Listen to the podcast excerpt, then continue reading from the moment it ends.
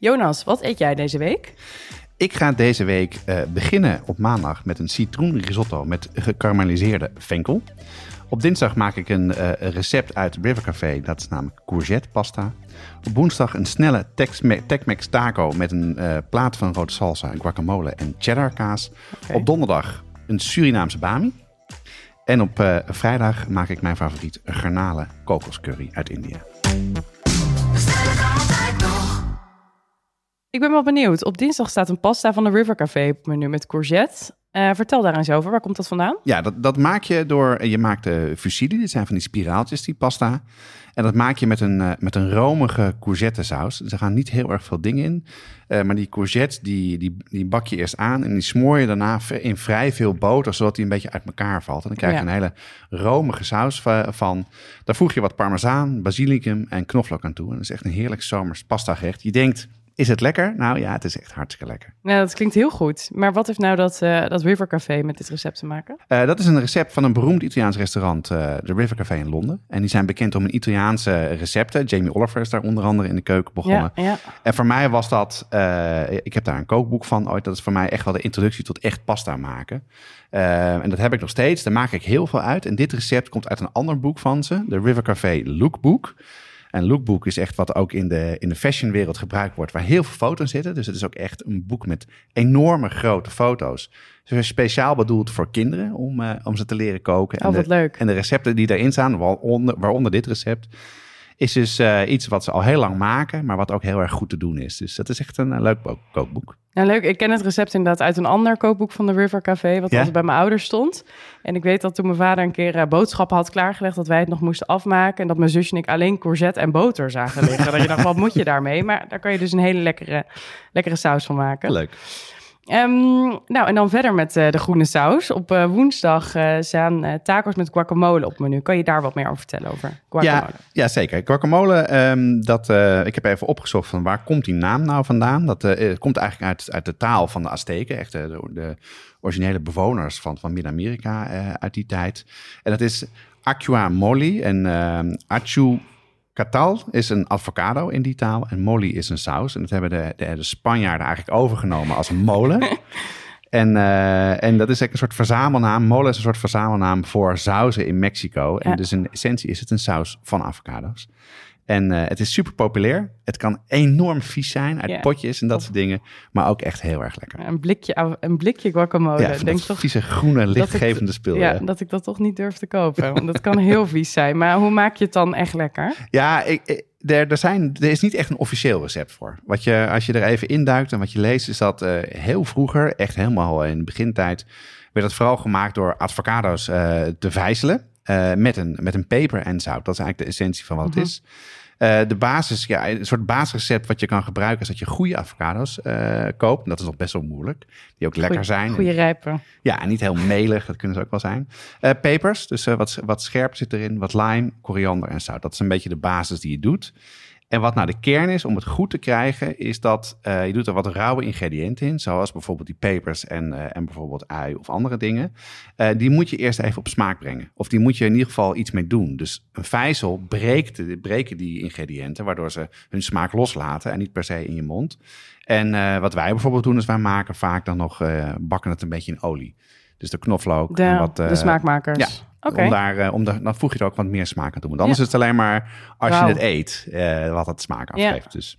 Ah, wat een goed idee. Dat heb ik eigenlijk nog nooit gehoord. Dat je dat uh, ook nou, door het eerst in de olie te bakken meer smaak kan geven. Ja. En um, hoe gebruik je de guacamole dan in je weekgerecht? Ja, dit is, een, dit is het een soort van condiment, een soort saus die je erbij doet. dat geeft, het is een beetje tegenhanger tegen de rest dat het hebt. Het geeft, het geeft smaak, het geeft structuur, het heeft wat romigheid. Uh, dus dat is hoe het hier wordt gebruikt. Maar de meeste mensen kennen het waarschijnlijk naast tortilla chips of de loaded nachos op het terras. Lekker. Uh, en dan is het gewoon een dipsaus die je erbij doet. Maar je kan het ook heel goed gewoon als een groente bij vlees of bij rijst met bonen eten. Je hebt het best wel snel op tafel, dus uh, ik, ik hou ervan, guacamole. Nou, en snel op tafel, daar houden we natuurlijk van. Eh, heb je deze week nog een snel recept op het menu staan? Zeker. De, we, de, we maken ook Surinaamse bami. Dat is een, een recept van Francesca Kookt. Uh, en dat is, daar gebruik je spaghetti in plaats van bami. En, en het is heel snel te maken. Je maakt in een wok met best wel wat lekkere smaakmakers, met ketchup onder andere en een aantal andere smaakmakers die je erin doet. En dat heb je heel snel klaar. En het is echt voor mensen die wat minder van pittig eten houden, van Aziatisch, Aziatisch eten houden, of kinderen, is het echt een heerlijk gerecht. Het zit vol met smaak. Uh, ik zou daar wel wat extra groente bij doen. Dus je kan een salade erbij doen, of je wok wat groente erbij, of je maakt wat frisse salade van, uh, van komkommers bijvoorbeeld. Uh, het is heel lekker. Lekker, klinkt ook toegankelijk en, en lekker snel voor door de week. En Jonas, wat is dan je gerecht van de week? Ik maak op vrijdag de Indiaanse garnalen kokoscurry en daar wil ik wat meer over vertellen.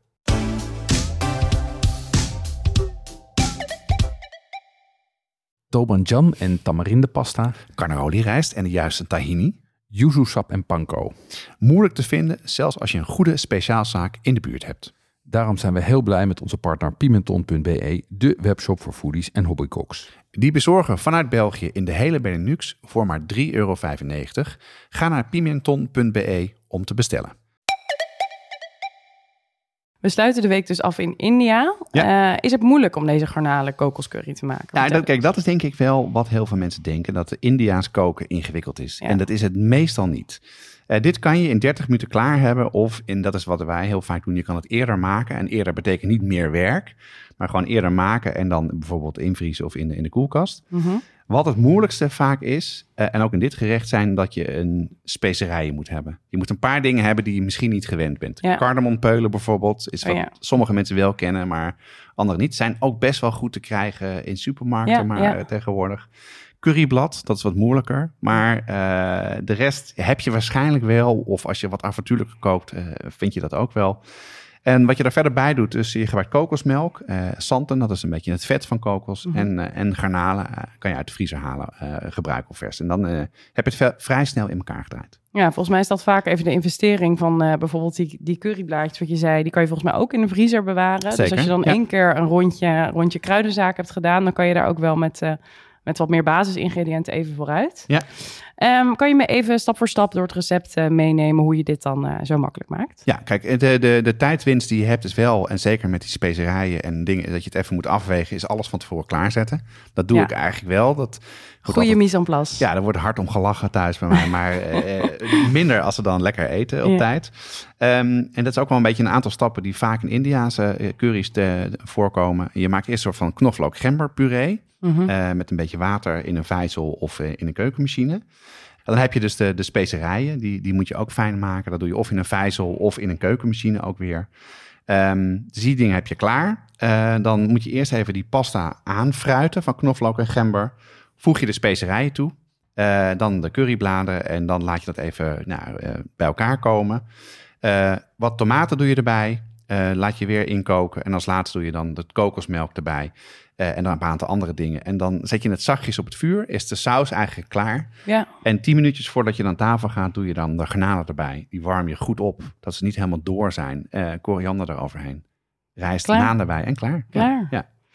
Hey, en uh, jij maakt vaker Indiaanse curry's, toch? Ja. zijn dit dan een beetje standaard stappen die je herkent uit verschillende recepten? Ja, ik, ik wil echt niet zeggen dat ik een expert ben hierin hoor. Maar ik, uh, ik, maak een, ik heb een aantal kookboeken die ik gebruik. En dat valt mij op. Zeker de currygerechten. En curry is net zoals bijvoorbeeld zo'n zo'n molla waar we net over hadden. De naam voor een saus in, mhm. in, het Indiaas. Dus, dus echt van alles.